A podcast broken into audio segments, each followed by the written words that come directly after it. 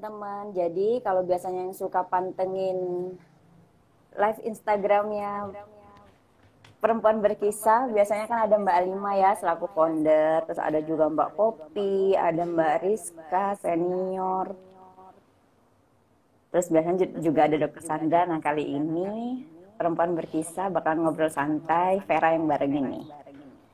Halo, selamat malam. Halo dok, ah, dokter Sandra udah masuk. Halo dok, malam. Hai, selamat malam. Aduh, dokter Sandra sepertinya semangat sekali malam ini. Eh, gimana nggak semangat sama penyiar kenamaan dari Jember loh ini? Waduh, Oh, aduh. waduh. Dok, malam ini kita bakal ngobrol santai ya dok ya. Iya, santai-santai aja, nggak usah yang berat-berat lah, Ngobrol udah capek. santai, terus teman-teman ini temanya malam ini otoritas perempuan dalam berkontrasepsi. Ini tema ini bakalan seru banget sih. Nggak cuma buat Vera yang sudah ibu-ibu nih dok, tapi buat teman-teman yang udah yang lagi pantengin perempuan berkisah malam ini, pasti bakal banyak ilmu yang bisa diserap di sini ya dok ya. Ngobrol kita santai Amin, tapi amin. berisi gitu ya dok ya. Amin, amin. Oke. Nah teman-teman kali ini kita bakalan live kan bareng dokter tanpa stigma ada foundernya dokter Sandra Suryadana. Dok dikenalin dulu kan nggak semua kenal dokter. Masa sih aku tuh udah berapa kali eh, muncul-muncul loh di perempuan berkisah. Eh, jangan Tapi aku- salah dok. Ini kan banyak teman-teman baru yang gabung nih. Iya, syukurlah ya perempuan berkisah makin rame ya. Iya Oke, dong. selamat malam teman-teman semua. Selamat malam Vera, sobat perempuan Malam. berkisah. Selamat malam semua. Perkenalkan, saya Dr. Sandra Suryadana. Saya sebenarnya adalah salah satu bagian dari tim redaksi perempuan berkisah, eh, di bagian editor. Tapi sekaligus juga saya punya eh, gerakan sosial saya sendiri, yaitu Dokter Tanpa Stigma. Dokter Tanpa Stigma itu satu gerakan yang saya inisiasi untuk melawan stigma lah di dunia kesehatan melawan stigma, eh, diskriminasi, terus eh, kekerasan dan yang eh, lain-lainnya lah, pokoknya isu kesetaraan di dunia kesehatan. Termasuk yang mau kita obrolin malam hari ini nih, Malam hari ini. soal Oke. kontrasepsi. Soal kontrasepsi. Mm-mm. Ini udah ada 17 nih dok yang gabung. Dan tema malam hari ini kan kita bakalan seru, kita nunggu atau langsung aja ya? Langsung aja, nggak apa-apa. Langsung aja. Teman-teman Hmm. Oke. Mm-mm, Nah, kan kita kan punya tema otoritas perempuan dalam berkontrasepsi. Sebelum kita ngomongin panjang lebar tuh tentang otoritas perempuan dalam berkontrasepsi, kayaknya dokter Sandra bisa dijelasin dulu deh. Kontrasepsi itu sebenarnya seperti apa sih dok kalau secara ilmiah dalam dunia medis, terus kemudian apa aja macam-macamnya, manfaatnya, kayak gitu dok. Oke, jadi kontrasepsi itu sebenarnya adalah metode ya. Metode eh, atau cara-cara untuk seseorang bisa eh, mencegah atau menunda kehamilannya. Nah, ini sebenarnya di Indonesia eh, sejarahnya adalah eh, mulai marak digunakan eh, kontrasepsi itu sudah sejak eh, era Orde Baru sebenarnya. Pada waktu masa eh, kepemimpinan Pak Soeharto dulu di Orde Baru sekitar tahun oh, 70-an mungkin ya sekitar tahun 70-an itu eh, dari beliau eh, mencanangkan program keluarga berencana. Nah, program keluarga berencana itu kan dimaksudkan untuk menekan laju pertumbuhan penduduk Indonesia ya waktu itu ya untuk penguatan ekonomi ya kan. Eh, Jadi beliau mencanangkan program keluarga berencana. eh, salah satunya caranya adalah dengan eh, kontrasepsi. Jadi waktu itu digaungkan eh, masif kontrasepsi di seluruh Indonesia. Kira-kira sejarahnya begitu. Nah, kemudian kan juga perkembangan dari kontrasepsi ini kan makin eh, meluas ya, berkembang ya. Jadi eh, saat ini sebenarnya program keluarga berencana itu tuh masih dilakukan, tapi dengan pengembangan. Jadi prinsipnya bukan lagi hanya untuk menekan laju pertumbuhan penduduk, tapi juga uh, meningkatkan keselamatan dan kesehatan ibu dan anak. Terus mengatur, menentukan usia pernikahan.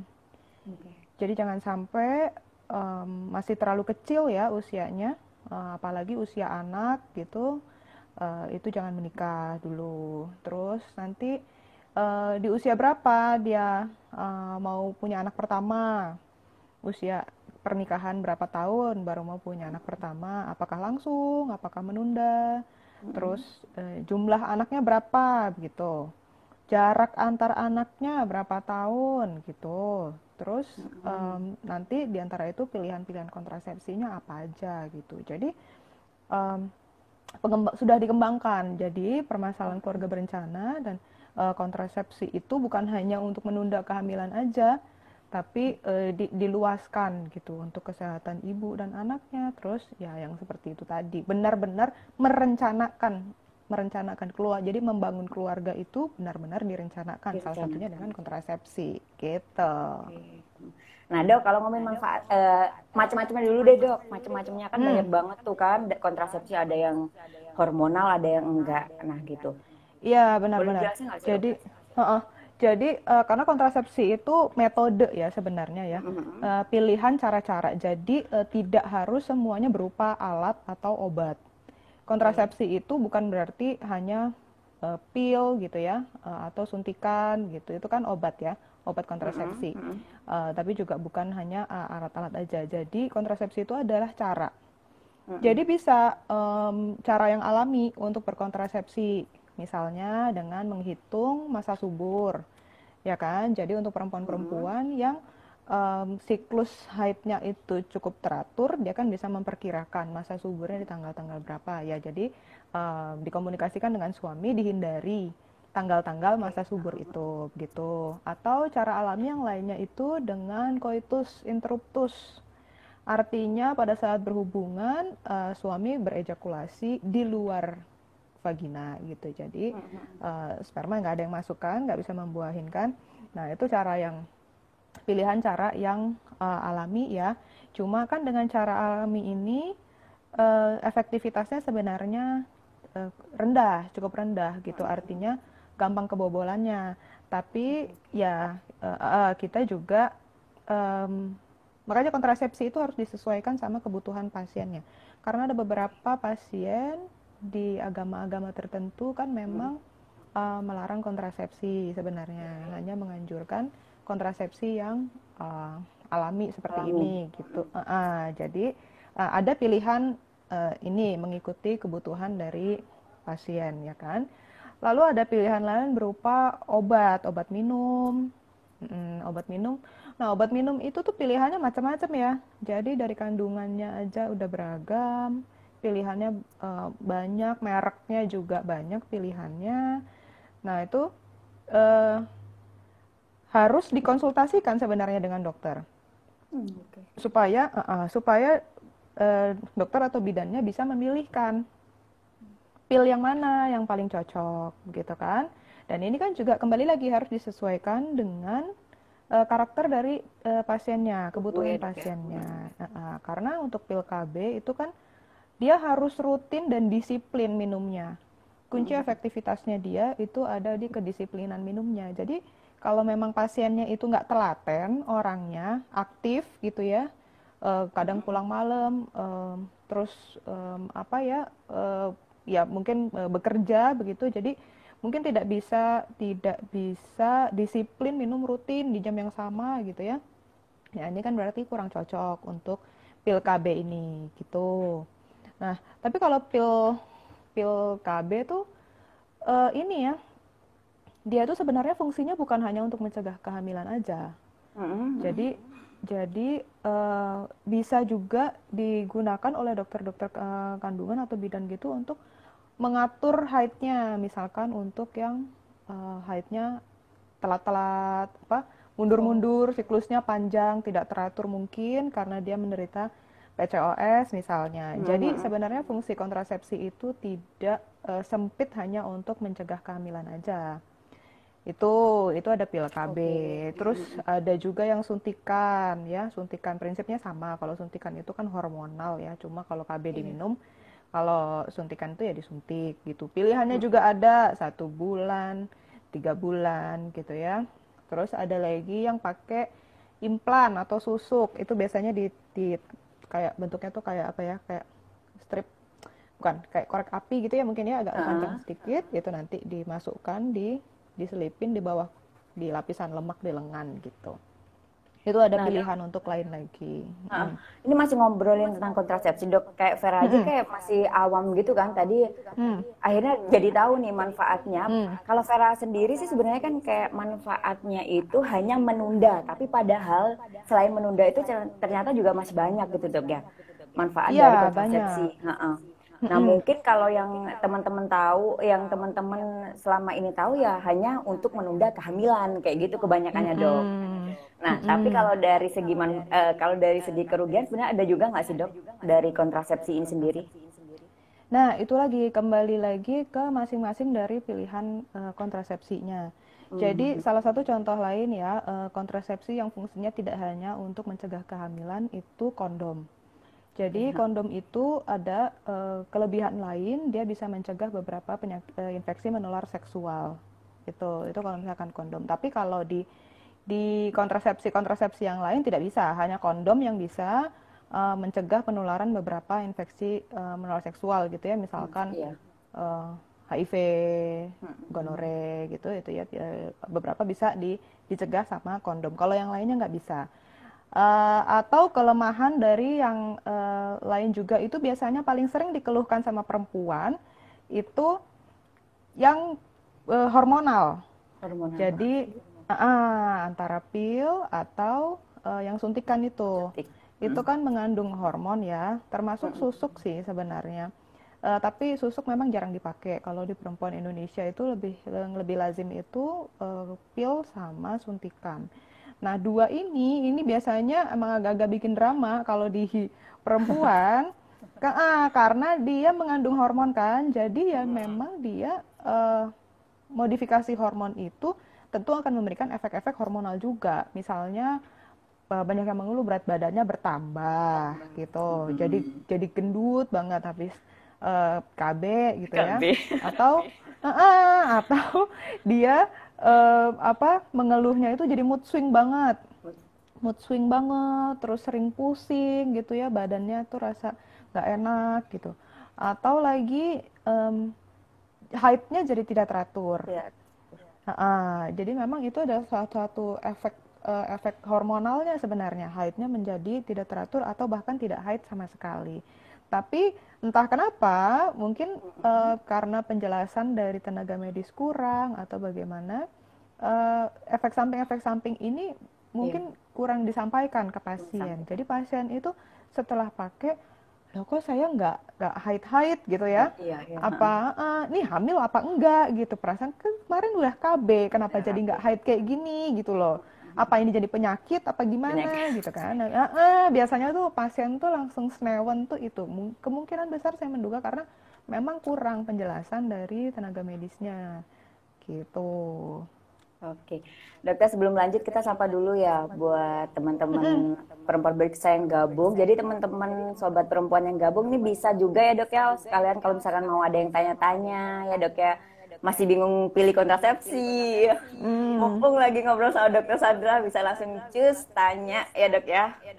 eh Dok, ini ada ada yang laki-laki nih keren nih apa cuma Oh, aku iya. laki-laki di forum heaven enggak lah sebenarnya banyak lagi laki-laki di sini laki-laki sebenarnya perlu tahu juga tentang kontrasepsi ya ya dok ya. Oh, Iya, benar. jangan sampai cuma cewek aja yang dibebankan soal kontrasepsi ini gitu loh. Sesuai sama topik kita malam ini. Dok ada yang tanya nih dok. Hmm. Dok, bingung nih kok ada ya orang bisa beli pil KB dengan mudah, bukannya itu pil-pil yang yang jenisnya nggak bisa dibeli sembarangan. Gimana tuh Iya, dok? eh, iya. Jadi eh, sebenarnya memang pil KB itu eh, seperti saya bilang tadi dia kan harusnya berdasarkan konsultasi dokter terlebih dahulu kan, karena eh, itu tadi dia eh, cara peminumannya eh, harus disiplin. Eh, Ada eh, cara peminuman yang harus diikutin dan itu perlu dijelaskan dulu sama dokternya dan itu kan sebenarnya perlu disesuaikan dengan eh, kebutuhan dari eh, pasiennya.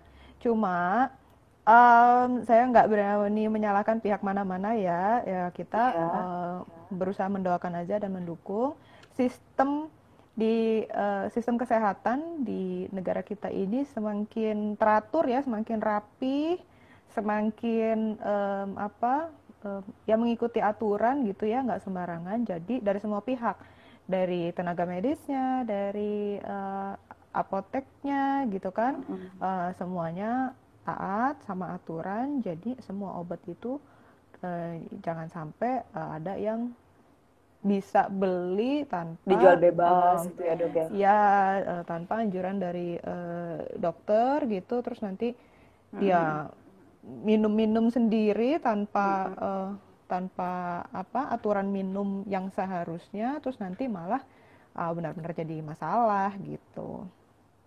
Oke, nah dok kita masuk nih ke tema utama kita otoritas perempuan, hmm. perempuan dalam berkontrasepsi kalau ngomongin kontrasepsi ya dok ya bahkan hmm. di RUU penghapusan kekerasan seksual nah salah satunya kan pemaksaan pemakaian kontrasepsi juga masuk ya dok ya itu kenapa iya. sih dok kok pemaksaan kontrasepsi itu juga termasuk dalam kekerasan gitu dok bisa dijelasin nggak dok Sandra? Iya jadi um, ini salah satu poin yang uh, baru ada di RUU PKS ya eh hmm. sekarang namanya ganti RUU Pungkas RUU iya uh, RUU pokoknya RUU penghapusan kekerasan seksual. Ya. Seksual. Ya. Uh, uh, uh, nah di di KUHP kita yang sekarang uh, belum tercantum soal soal pemaksaan ini, tetapi dalam kenyataannya sebenarnya memang sangat banyak terjadi, terutama pada perempuan-perempuan Indonesia. Bahkan sebenarnya dari sejarahnya aja dulu itu sebenarnya sudah termasuk sudah termasuk uh, pemaksaan, pemaksaan kontrasepsi. Hmm. Iya, pada saat uh, Pak Harto dulu mencanangkan program keluarga berencana itu uh, ada testimoni-testimoni kesaksian bahwa uh, program ini um, bekerja sama dengan uh, militer untuk memaksakan kontrasepsi kepada perempuan-perempuan uh, di desa-desa gitu. Hmm itu salah satu bentuk yang uh, operasi secara sistemik ya pemaksaan kontrasepsi ini. Tapi yang biasanya uh, kita uh, alami gitu, kita hadapin sehari-hari sebagai perempuan, sebenarnya pemaksaan ini juga terjadi di level yang personal gitu. Misalkan um, seorang perempuan um, menjalin hubungan dengan seorang laki-laki, masih pacaran gitu ya uh, tetapi ada kekerasan di situ. Jadi laki-lakinya memaksakan untuk berhubungan seksual. Tapi uh, karena dia laki-laki yang tidak mau nggak uh, mau bingung, uh, takut harus bertanggung jawab uh, kalau misalkan nanti pacarnya ini hamil, tapi dia sendiri juga nggak mau pakai kondom gitu, nggak mau uh, pengesahan RU uh, PKS gitu. Jadi sekarang siapa pun yang mau memaksakan uh, penggunaan kontrasepsi ke perempuan itu nanti akan dipidana. Mudah-mudahan uh, seandainya nanti disahkan RUU PKS ini gitu. Dan uh, ini sekarang ini uh, agak marak. Jadi bukan hanya dilakukan oleh uh, tadi contohnya pacar atau pasangan gitu ya, uh, tetapi juga oleh keluarga. Jadi misalkan untuk teman-teman uh, uh, yang uh, disabilitas mental, teman-teman perempuan yang disabilitas mental um, ada ditemukan cukup banyak kasusnya uh, dipaksa untuk uh, pasang kontrasepsi uh, karena keluarganya khawatir ya mungkin dia uh, juga kurang bisa merawat uh, anak dengan disabilitas mental ini jadi uh, kan karena kasusnya cukup sering ya kekerasan seksual pada um, perempuan-perempuan disabilitas mental begitu. Jadi keluarga karena tidak bisa merawat dan menjaga anak ini mungkin dipaksakan pemakaian kontrasepsi itu supaya paling tidak anak itu jangan sampai hamil gitu. Ya, nah, kan kalau menurut istilahnya Sandra, mengerikan ya. Iya sih, ha. Nah, hmm. kalau menurut dokter Sandra sendiri nih, misalkan dalam satu keluarga dok ya, otomatis kan suami dan istri, istrinya nggak mau pakai nih, tapi suami paksa. Nah, itu kan biasanya hmm. banyak tuh ibu-ibu kan yang kesulitan untuk menolak si suami itu kayak gimana sih dok? Itu kan juga termasuk kekerasan ya dok ya? Iya, sebenarnya, uh, nah ini konteksnya pemaksaan ini kita repot ya kalau sudah di ranah personal ya. Personal, kan iya. batasannya mana nih? Udah disebut uh, maksa uh, atau dia sebenarnya cuma bujuk-bujuk aja gitu kan? Nah, Uh, makanya itu sebenarnya uh, mengapa saya uh, sangat mendorong ya, nggak cuma perempuan Iya, iya. yang mempelajari tentang kontrasepsi ini, tetapi juga laki-lakinya. Supaya laki-laki juga tahu bahwa laki-laki juga punya pilihan-pilihan untuk kontrasepsi, tidak hanya perempuannya aja. Itu nomor satu. Lalu yang kedua, perlu dipahami juga bahwa kontrasepsi ini pilihannya banyak dan eh, sekarang itu istilahnya udah zaman maju ya, semuanya tuh udah diusahakan produk-produknya itu baik untuk kenyamanan pasien. Jadi langkah utama yang paling enak sebenarnya tinggal tanya, konsultasi ke dokter atau ke bidan, ya kan? Em, misalkan tanya Bu Bidan, saya kondisinya begini, saya misalkan saya sudah punya anak, tapi saya masih mau nunda anak kedua gitu kan, Eh, saya masih menyusui atau ada eh, keluhan yang lain gimana, itu kan disampaikan aja kan, nah nanti tinggal bidannya yang menentukan, oh kalau menurut saya eh, eh, untuk ibu yang paling baik ini, atau kalau bidannya bingung ada pilihannya ini, ini, ini, kelebihannya yang A ini, kekurangannya ini, yang B kelebihannya begini, kekurangannya begini. Jadi tinggal konsultasi aja gitu sebenarnya. Iya. Sup untuk menentukan mana yang paling baik. Dengan dikomunikasikan seperti itu, itu kan em, lebih enak ya. Jatuhnya kan bukan pemaksaan gitu. Iya sih. Iya kan? Tapi eh, kita diskusi nih, kita sama-sama. Jadi suami rencananya gimana, istri rencananya gimana, disesuaikan sama kenyamanan istrinya kalau memang istri yang akan menggunakan kontrasepsi gitu. Atau eh, ada pilihan lain, suaminya bisa eh, berkontrasepsi juga gitu. Jadi ikut serta bareng-bareng rumah tangga itu suami dan istri sama-sama termasuk urusan kontrasepsi di- dibicarakan bersama-sama gitu. Nah, ini dok, tapi kan masalahnya selama ini banyak banget yang kurang, sepertinya kurang tahu gitu dok. Dan jumlah kontrasepsi antara perempuan dan laki-laki itu pasti banyak kan perempuan nih. Dan banyak, Iya. eh, iya para suami yang juga kurang tahu kan ada macam apa saja tentang kontrasepsi yang bisa digunakan gitu dok. Itu memang di bidang medis kayak gitu ya dok? Iya benar. Jadi em, memang ada alasannya kenapa jadi perempuan-perempuan terus yang ribet untuk urusan kontrasepsi ini karena memang betul yang ada di pasaran itu memang eh, jauh lebih banyak kontra- kontrasepsi pilihan untuk yang perempuan. Hmm, jadi perbandingannya itu cukup jomplang ya. Waktu itu eh, aku sempat hitung iseng-iseng lah ngitung gitu. Jadi pilihan kontrasepsi untuk perempuan itu ke di Indonesia ada 11. Tapi untuk laki-laki hanya dua. Waduh. Gitu. Jadi untuk laki-laki pilihannya itu cuma kondom atau dia langsung vasektomi. Vasektomi itu dipotong atau diikat gitu saluran spermanya. Jadi itu adalah eh, metode kontrasepsi yang permanen. Artinya nggak bisa lagi eh, putar balik gitu ya. Iya. Jadi jadi subur lagi. Nah itu jadi pilihannya cuma dua, either kondom atau vasektomi. Sementara kalau untuk perempuan tadi itu dia aku jelasin ya kan bisa Iya. pil, bisa suntik, bisa implan, bisa IUD, mau tubektomi, pakai apa sih diafragma. Sekarang ada baru lagi kondom kondom perempuan gitu. Jadi pilihannya tuh macam-macam banget gitu.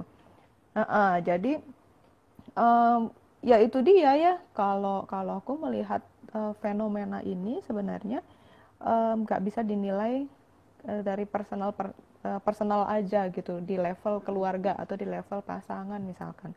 Karena memang di dunia eh, bisnis perusahaan farmasi memang yang selalu dikembangkan itu hanya kontrasepsi perempuan gitu. Sementara kontrasepsi laki-laki ya terus mandek aja penelitiannya gitu. Jadi tidak pernah ada perkembangan untuk kontrasepsi laki-laki Nah, dok, ini ada yang tanya, dok, dari Astaria Smart. Dok, kontrasepsi yang baik untuk ibu yang berbadan gemuk apa ya, dok? Nah, ini dia nih, ini kadang-kadang ibu-ibu tuh menyalahkan kontra pil KB-nya. Pil KB-nya atau suntikannya eh, untuk kelebihan berat badannya gitu ya. Nah, Iya. itu jadi sebenarnya perlu diteliti dulu apakah dia gemuknya karena eh, kontrasepsi atau bukan. Itu nomor satu, ya kan? Hmm, Tidak selamanya juga kok orang pakai kontrasepsi itu berat badannya jadi naik gitu. Tapi misalkan eh, dia eh, ingin tetap berkontrasepsi, Hmm, tetap nomor satu saya saran dia menurunkan berat badan dulu dengan cara olahraga, diet dan segala macam itu ya. Nah untuk kontrasepsinya supaya dia tidak terpengaruh berat badannya begitu ya, ya itu hindari kontrasepsi yang mengandung hormon. Nah, karena yang membuat fluktuasi dari berat badannya itu pada kontrasepsi adalah kandungan hormonnya. Jadi dihindari itu yang bentuknya pil, suntikan, uh, atau implan, atau uh, apa ya IUD, IUD juga ada tuh yang yang mengandung hormonnya gitu. Itu di di uh, ya berarti jangan pilih yang itu. Pilihnya kondom, ya kan? Atau uh, IUD yang uh, koper T yang biasa itu yang enggak ada enggak ada ininya uh, hormonnya atau uh, coitus interruptus boleh atau mau langsung uh, steril gitu ya tubektomi atau suaminya vasektomi itu kan uh, bisa jadi juga ada pilihan lain ada macam-macam pilihan. Nah dok ada yang tanya lagi kalau misalkan alat kontrasepsi antara pil dan suntik KB itu lebih bagus yang mana?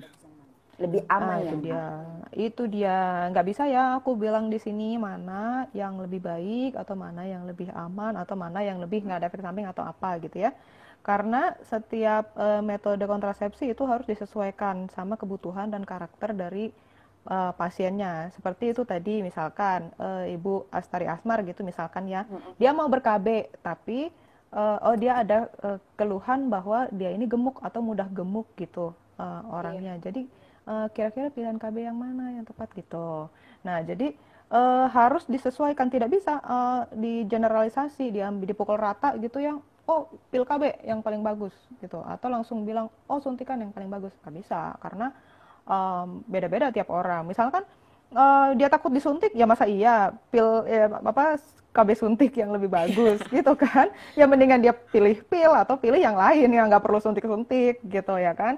Um, atau dia seperti itu tadi orangnya nggak terlalu telaten minum obat sebenarnya. Nggak bisa nelen tablet itu nggak bisa. Ya berarti kan pil KB nggak tepat gitu buat dia. Bukan berarti mana yang lebih bagus tapi mana yang lebih sesuai dengan masing-masing pasien tuh Oke, berarti memang harus sesuai dulu ya dok ya, baru kita bisa Itulah fungsinya konsultasi okay. gitu. Jangan coba denger-denger pakai pil KB yang ini ini bagus atau pakai suntik yang ini aja sama bidan yang ini. Gitu. Ya nggak bisa ya, karena tiap orang beda. Gitu. Iya. Nah, iya. Oh iya, kadang itu malah bukan pemaksaan penggunaan kontrasepsi loh, tapi dipaksa untuk tidak menggunakan kontrasepsi. Itu juga banyak terjadi kan? Iya kan? Jadi biasanya tuh eh, kadang-kadang tuh mertua-mertua tuh yang bilang kamu yeah. jangan pakai KB-KB dulu nanti susah punya anaknya kamu. Atau nanti uh, suaminya bilang nggak usah pakai uh, obat-obatan macam kayak gitu, itu nanti jadi penyakit di rahim apa segala macam. Jadi pemaksaannya itu tuh bukan cuma penggunaan yang tapi ini tidak tidak menggunakan itu juga kadang dipaksa gitu loh. Padahal perempuan kan juga punya pendapat. Iya, eh ada juga dokter yang harus ikut KB biar badannya gemuk gitu banyak dok kayak gitu. Banyak, banyak. Minum pil KB aja biar mukanya nggak jerawatan gitu. Iya. Terus ini iya, ada, ada, ini berkaitan banget dok, ini kaitan banget. Ada yang tanya, apakah benar program KB pas awal nikah sebelum kita punya anak bikin kita susah hamil setelah lepas KB? Bukan, bukan. Ya, ini biasa banget nih pertanyaan orang-orang nih. Tapi karena biasanya kayak gitu, dok kita tetangga saya katanya dia udah lepas KB berapa tahun gitu, tapi nggak punya punya anak gitu. Nah Ya, nah itu kembali lagi ya, jawaban saya adalah ke masing-masing pasiennya. Jadi per pasien itu harus konsultasi dulu. Itulah saya bilang konsultasi dulu sebelum um, memilih kontrasepsinya dan nanti sesudah dia lepas kontrasepsinya gitu. Karena memang uh, ada beberapa kontrasepsi termasuk kontrasepsi yang hormonal itu tadi itu kan dia memodifikasi hormon ya. Cara kerjanya dia itu memodifikasi hormon kita, makanya dia membuat um, menstruasi kita bisa jadi tidak teratur begitu. Nah itu uh, tentu saja dengan modifikasi hormon seperti itu, apalagi dalam jangka waktu yang makin lama gitu ya, misalkan dia pakai KB hormonal itu uh, dua tahun, tiga tahun gitu, semakin lama dia menggunakan KB hormonal itu uh, akan semakin uh, lama juga biasanya untuk mengembalikan ke, uh, kesuburannya lagi yaitu menormalkan dan menteraturkan kembali uh, haidnya gitu. Karena kalau selama haidnya dia nggak teratur ya sulit juga dong dia untuk uh, cepat-cepat hamil gitu kan. Artinya kan masa suburnya kan juga masih nggak masih nggak teratur gitu masih nggak jelas. Jadi itu yang harusnya uh, ditanyakan selama uh, konsultasi untuk kontrasepsi. Artinya sampaikan sama dokternya atau sama bidannya saya cuma mau kontrasepsi kira-kira setahun aja yang paling baik untuk saya apa gitu. Saya mau setelah saya lepas itu uh, nanti cepat langsung uh, saya bisa uh, hamil lagi gitu. Karena saya nggak mau anak saya jaraknya terlalu jauh. Nah itu monggo disampaikan ke bidannya atau ke dokternya gitu. Jadi dokternya kan tahu oh dia maunya cuma yang bentar aja. Uh, ya mungkin nggak yang IUD kali ya atau mungkin nggak yang implan gitu kali ya uh, saya bisa pilihkan yang lain yang jangkanya lebih uh, sebentar dan lebih nyaman gitu untuk dia itu itu yang harus uh, uh, makanya pentingnya untuk konsultasi bukan cuma sekedar uh, dengar-dengar dari mertua, dari ibu, dari tetangga gitu. Uh, karena meskipun itu istilahnya mereka sudah berpengalaman ya, tapi iya. beda, beda masing-masing kebutuhan orang tuh beda. Beda. Oke. Nah dok kita ngobrol ngobrolnya agak berdikit ya dok ya. Tadi kan dokter Sandra udah nyinggung tuh kalau hmm. misalkan emang uh, kontrasepsi sendiri itu jumlahnya jomplang banget antara yang buat cewek sama buat cowok. Tapi sebenarnya itu ada hubungan nggak sih dok kalau misalkan dikaitin kontrasepsi ini dengan dunia mungkin ya dunia bisnis, terus ekonomi, politik di suatu negara, khususnya Indonesia sendiri dok. Iya, jadi sebenarnya bukan yang nggak ada ya pengembangan untuk kontrasepsi di laki-laki gitu. Tapi memang setiap uh, setiap penelitian itu ujung-ujungnya akhirnya mandek, uh, tidak jadi diproduksi secara massal, apalagi dijual gitu ya, dipasarkan karena memang uh, tidak menarik untuk marketnya itu nggak ada. Jadi saat uh, ini kan biasanya kan negara-negara lain ya kalau di Indonesia mah belum lah mengikuti negara lain gitu kan. Iya. Jadi kalau di negara lain itu kan mereka sebelum mau memproduksi sesuatu itu kan mereka kan kayak market research gitu kan. Kira-kira ini bakal barang ini bakal laku atau enggak, kebutuhannya ada apa enggak gitu kan. Uh, nah pada saat melakukan market research itu ternyata memang laki-laki itu tidak terlalu berminat untuk menggunakan kontrasepsi. Yang waktu itu pernah dikembangkan itu adalah kontrasepsi suntik juga yang mengandung hormonal di India kalau nggak salah itu. Tapi uh, again kebenturnya adalah uh, karena laki-laki uh, nggak berminat gitu untuk menggunakan kontrasepsi uh, suntik gitu alasannya yang paling mayoritas uh, mengatakan adalah karena mereka tidak suka dengan kemungkinan efek sampingnya karena uh, karena uh, sama kan seperti uh, sun, KB suntik ya. yang di iya. perempuan iya. yang tadi kan aku bilang itu uh, memang namanya kita memodifikasi hormon jadi di perempuan iya. di laki-laki ya efeknya sama nanti akan bisa ada kemungkinan berat badannya jadi bertambah Tambah. atau malah berkurang gitu mood swingnya juga terus e, bisa jadi juga berpengaruh ke libido jadi uh, mungkin ya kemungkinan-kemungkinan efek samping itu yang uh, tidak disukain oleh laki-laki gitu. Jadi um, ya memang mereka tidak ya, tidak berminat dan mayoritas laki-laki tidak berminat. Jadinya ya perusahaan tidak menganggap uh, ini suatu produksi yang akan menguntungkan gitu loh. Sementara kalau misalkan mereka tanya ke perempuan, perempuan mungkin langsung dengan lancar gitu ya casis cus dia langsung ngejelasin oh yang ini saya nggak suka sama yang ini saya butuhnya yang kayak iya. gini-gini yang lebih nyamannya saya maunya kayak gini. Jadi uh, akan terlihat terus marketnya uh, bahwa perempuan itu lebih lebih besar market untuk kontrasepsi gitu. Secara dunia bisnis sih uh, seperti itu. Tapi secara sosial budaya juga memang ini uh, budaya yang udah udah mengakar banget gitu ya yeah. budaya patriarkis yang Patriar. udah dari zaman dahulu kala banget gitu uh, mungkin beranggapannya bahwa hmm, ya itu kan badan lo itu kan rahim lo ya uh, indung telur lo kalau ya berarti lo yang urusin lo yang ya lo yang jaga-jaga dong lo yang tanggung jawab dong lo kalau misalkan kamu hamil ya gimana lo deh ya kan uh, apa ngaturnya supaya lo nggak hamil ya kalau lo nggak mau ngurusin ya kalau pikiran laki-laki mungkin ya bukan rugi di gue juga bukan gue yang hamil gitu ya kan? Jadi jadi uh, beban beban untuk uh, melakukan kontrasepsi itu hanya diserahkan ke perempuan. Dianggapnya karena perempuan yang akan menanggung kehamilan itu gitu loh Tapi yang dilupakan adalah kenyataan bahwa untuk seseorang menjadi hamil itu kan dia butuh laki-laki ya. ya kan? Masa iya dia tiba-tiba hamil melendung hamil, sendiri? Iya. Nah, Bunda Maria dong, ya, ya kan? Iya.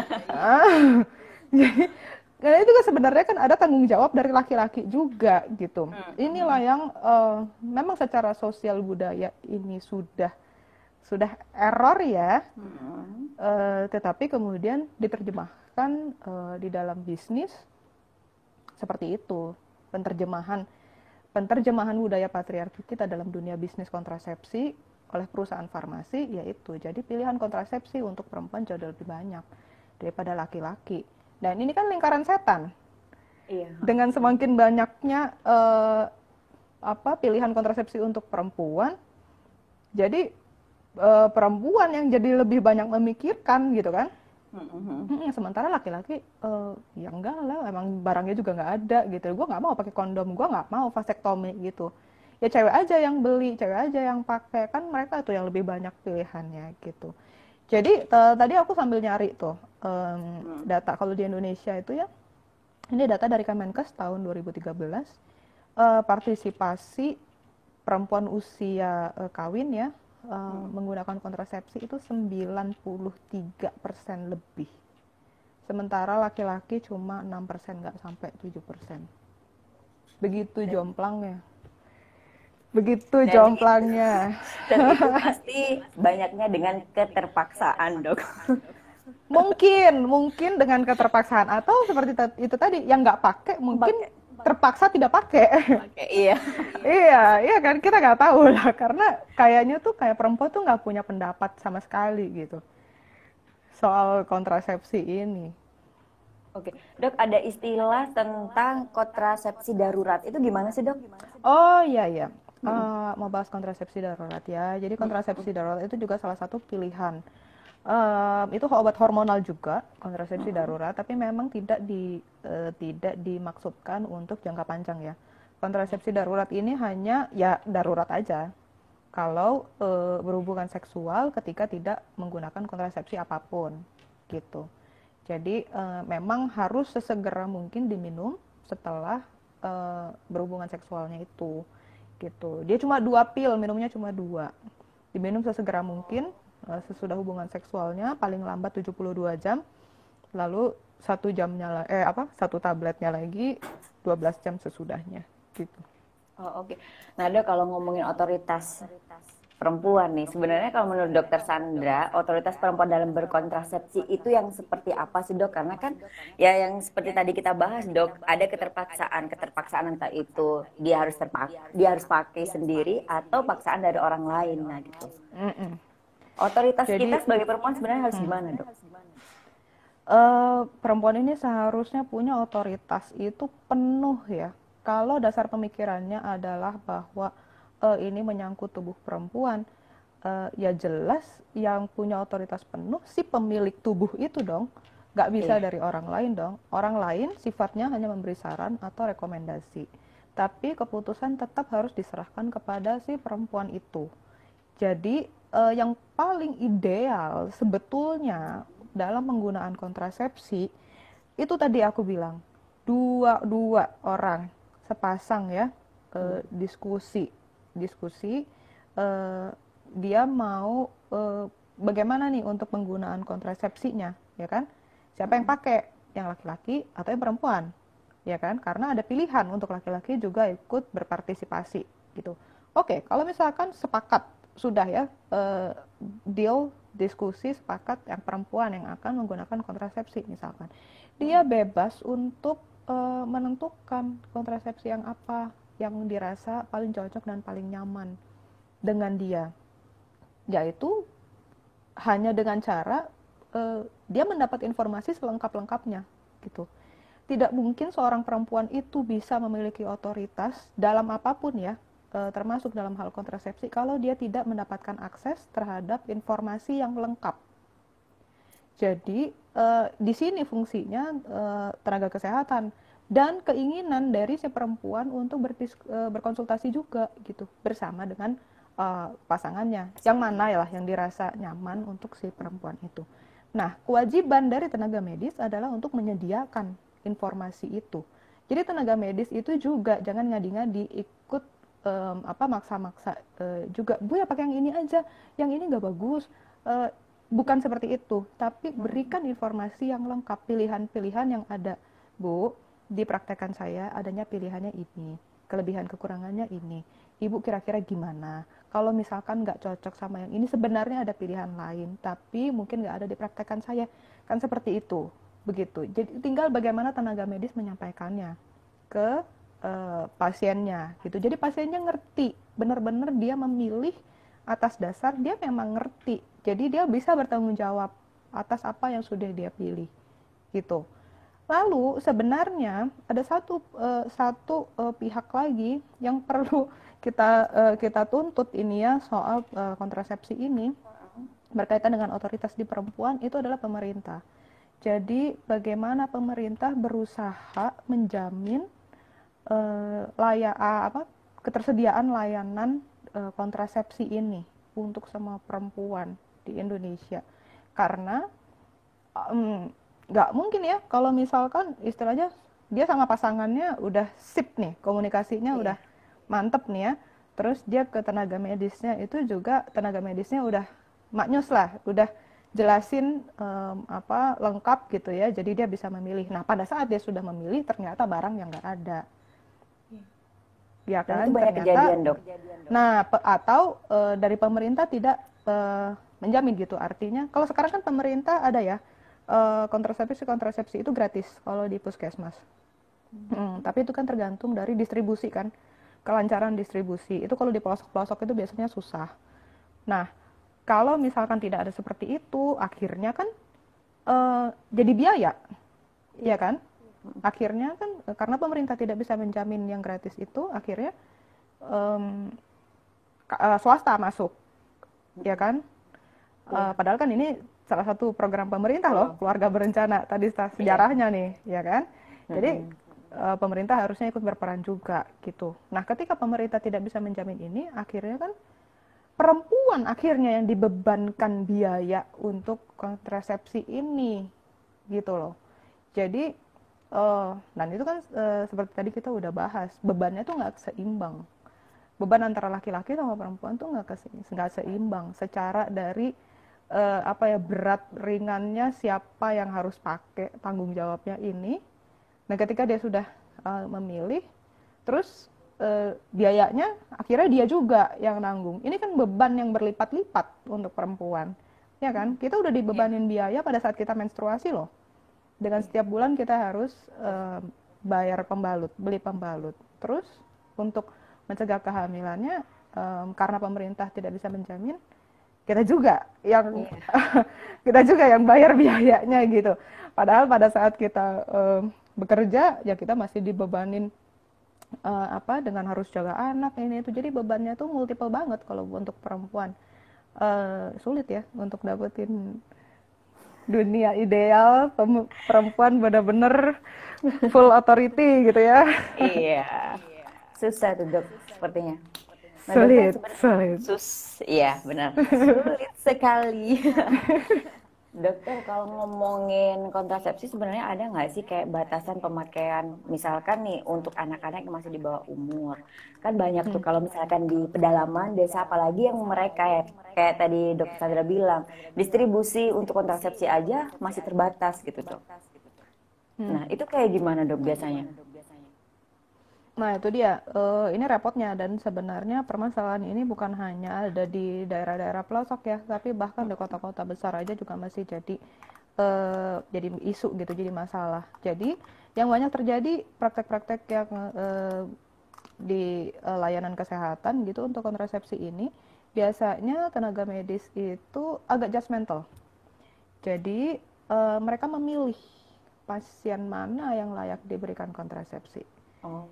Jadi uh, ini juga sebenarnya salah satu pelanggaran hak nih, uh, hmm. karena uh, sebenarnya uh, sebenarnya bukan bukan urusan dari tenaga medis juga untuk mengurusi apa bagaimana apa apakah pasien ini sudah menikah atau belum gitu kan? Iya iya.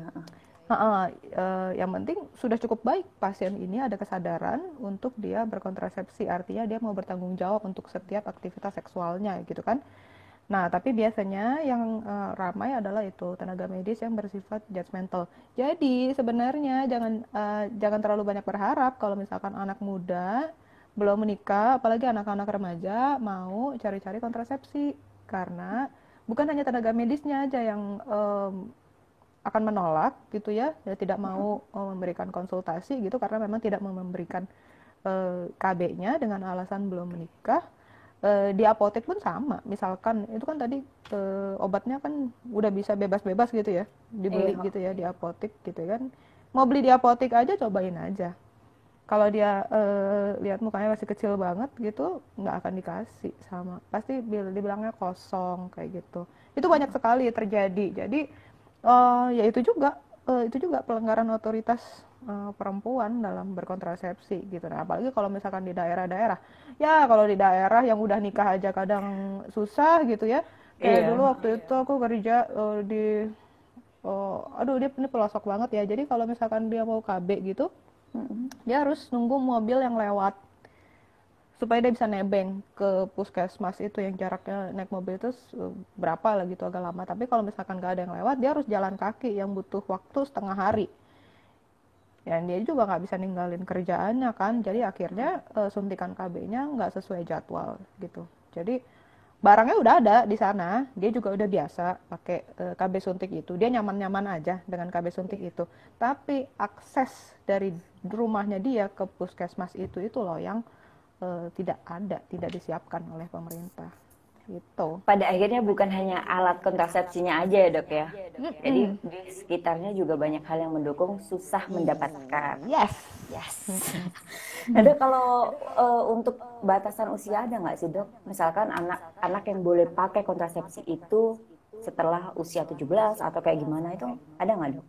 Oh enggak. Jadi uh, secara secara medis ya, secara fisik iya, asal uh, asalkan dia sudah uh, menstruasi ya dia sudah bisa menggunakan um, apa kontrasepsi apa pun gitu ya. Uh, disesuaikan lagi sama sama kebutuhannya. Jadi kalau uh, misalkan dia mau kontrasepsi um, apa ya misalkan dia masih belum berhubungan seksual gitu misalkan uh, tapi dia mau uh, langsung kontrasepsi gitu ya ya kan berarti harus dipikirkan gitu kan. Kayaknya kalau IUD nggak tepat gitu karena akan terlalu sakit sekali untuk dia karena dia belum pernah berhubungan seksual gitu. Atau kan bisa juga eh, apa dia hanya untuk eh, mengatur atau membuat eh, haidnya jadi eh, lebih teratur gitu ya. Nah itu kan fungsi dari kontrasepsi yang eh, lain juga gitu kan. Nggak semata-mata hanya untuk eh, apa mencegah kehamilan aja gitu. Jadi sebenarnya nggak ada usia ininya. Asal udah udah pubertas sudah sudah bisa berkontras apa bisa konsultasi untuk kontrasepsi. Nah dokter kita udah 49 menit loh nggak terasa ya. Ih ya ampun gila gue ngoceh-ngoceh ya parah banget ya. Tapi seru sih dok, makanya bikin nggak berasa. Nah ini ada satu pertanyaan nih dok dari Salman Al Farizi 88. Dok, kalau pemakaian jangka panjang pil KB itu bisa bikin mandul nggak sih buat wanita dok? Kayaknya ini yang tanya Yeay. istrinya. ah ini nih nih nih. Ini istilah istilah mandul nih. Istilah mandul tuh uh, sering banget itu dipakai ya. Jadi istilah mandul tuh rasanya stigmanya tuh udah dalam banget gitu. Udah oh, artinya oh, kayak kalau perempuan dibilang mandul tuh kayak udah serem banget gitu. Udah kayak, serem bukan bukan perempuan yang oh, bukan perempuan lah gitu ya iya. kalau misalkan mandul iya. gitu kan. Gila serem banget ya.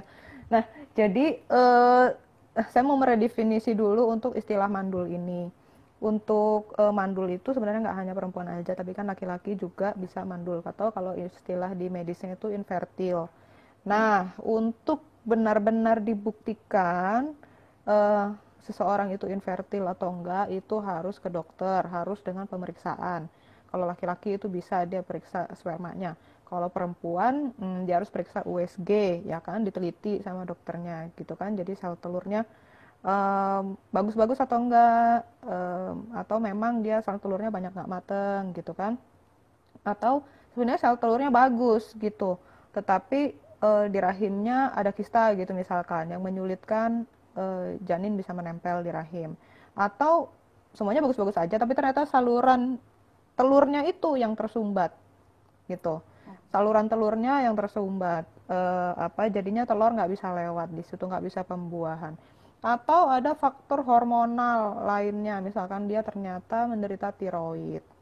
Atau uh, misalkan faktor ada masalah kromosom misalkan dia kerja di pabrikan gitu kan.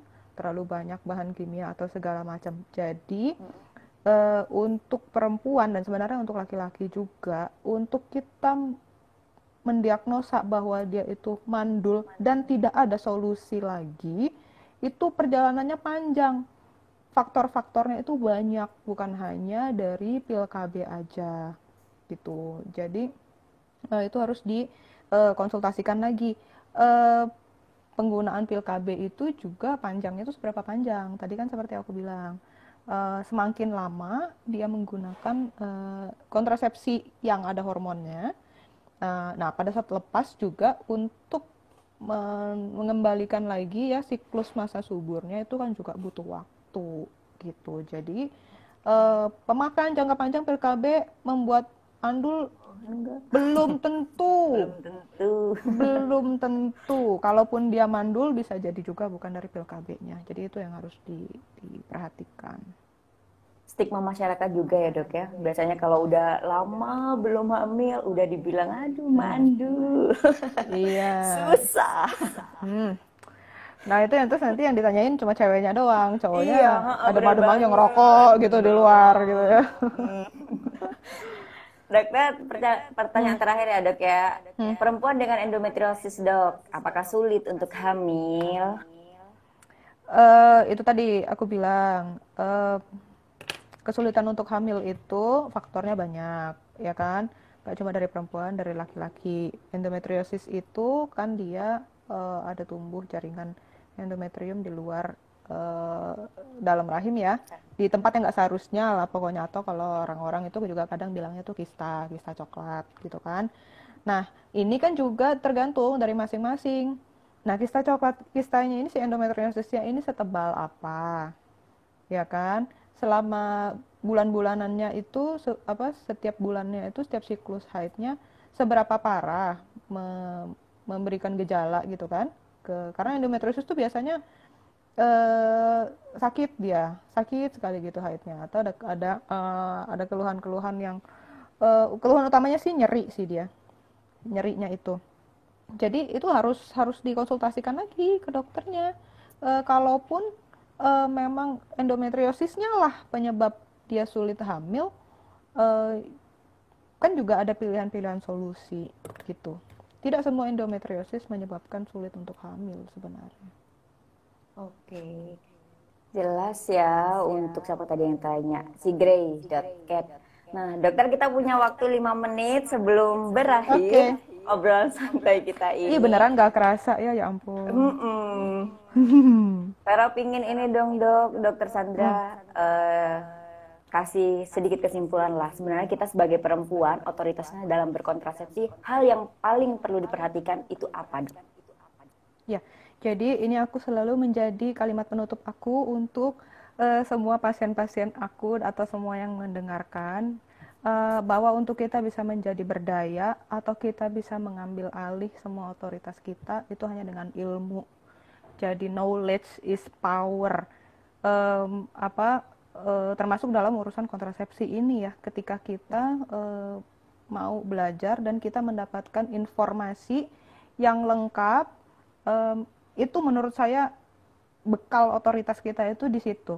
E, bekal keberdayaan kita itu adalah di pengetahuan. Jadi e, jangan istilahnya jangan hanya mengandalkan cerita-cerita orang gitu atau saran-saran dari orang.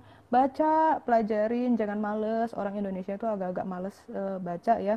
Pengennya cuma nanya cepetan dapat jawaban gitu kan.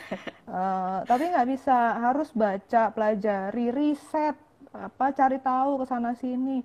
Uh, dengarkan penjelasan uh, dokter atau bidan gitu. Sampai kalian tuh benar-benar bisa mem membuat pilihan yang sadar gitu uh, itu kalau untuk level personal. Nah kalau untuk yang lain-lain persoalan kontrasepsi ini tadi kita udah bahas ya, nggak cuma persoalan rahim perempuan saja, Iya. tapi ini mencakup urusan Dua politik, orang. sosial, budaya, perkawinanmu, pendidikan, seksualitasnya semua nih kementerian bisa masuk nih. Jadi em, ya mulai- mulailah kita semua menyadari hal itu bahwa sampai di level eh, organ reproduksi kita pun perempuan itu dipagar-pagari, perempuan itu dibatas-batasi eh, oleh sekian banyak aturan-aturan yang tertulis maupun tidak tertulis gitu. Nah, jadi salah satu cara untuk eh, apa ya bisa bebas dari pagar-pagar itu yaitu kita belajar, kita cari tahu sebanyak-banyaknya dan kita bersuara kita bersuara sama-sama kita menyuarakan untuk mematahkan patriarki ini gitu Nggak peduli suara kita dibungkam ya dok ya, yang penting kita bersuara aja dulu. terus aja termasuk yang cowok-cowok bantuin juga Iya. ya tadi udah banyak tuh cowok-cowok yang keren juga ikut belajar Mm-mm. tentang kontrasepsi harus bantu kita sama-sama melawan patriarki bukan melawan laki-laki Iya, melawan patriarki. Siap. yes Dok, dok. Aduh, rasanya nggak berasa loh dok. Ini udah satu jam. iya asli loh gila ngoceh-ngoceh ternyata udah satu jam ya Mm-mm. Dokter Sandra, terima kasih banyak ya dok ya. Kita udah ngobrol-ngobrol santai. Semoga, semoga pembicaraan kita ini bisa memberikan manfaat ya dok ya. amin amin Buat yang bingung-bingung lagi bingung cari kontrasepsi apa, semoga bisa menentukan dengan segera. Amin. Semoga perempuan bisa dan laki-laki bisa berkontrasepsi secara merdeka ya. Merdeka. Amin. Oke dokter, terima kasih. Sampai terima jumpa kasih ya, ya dokter. Sudah mengundang. Dadah. Selamat malam. Dadah dokter, selamat malam. Dadah. Dadah.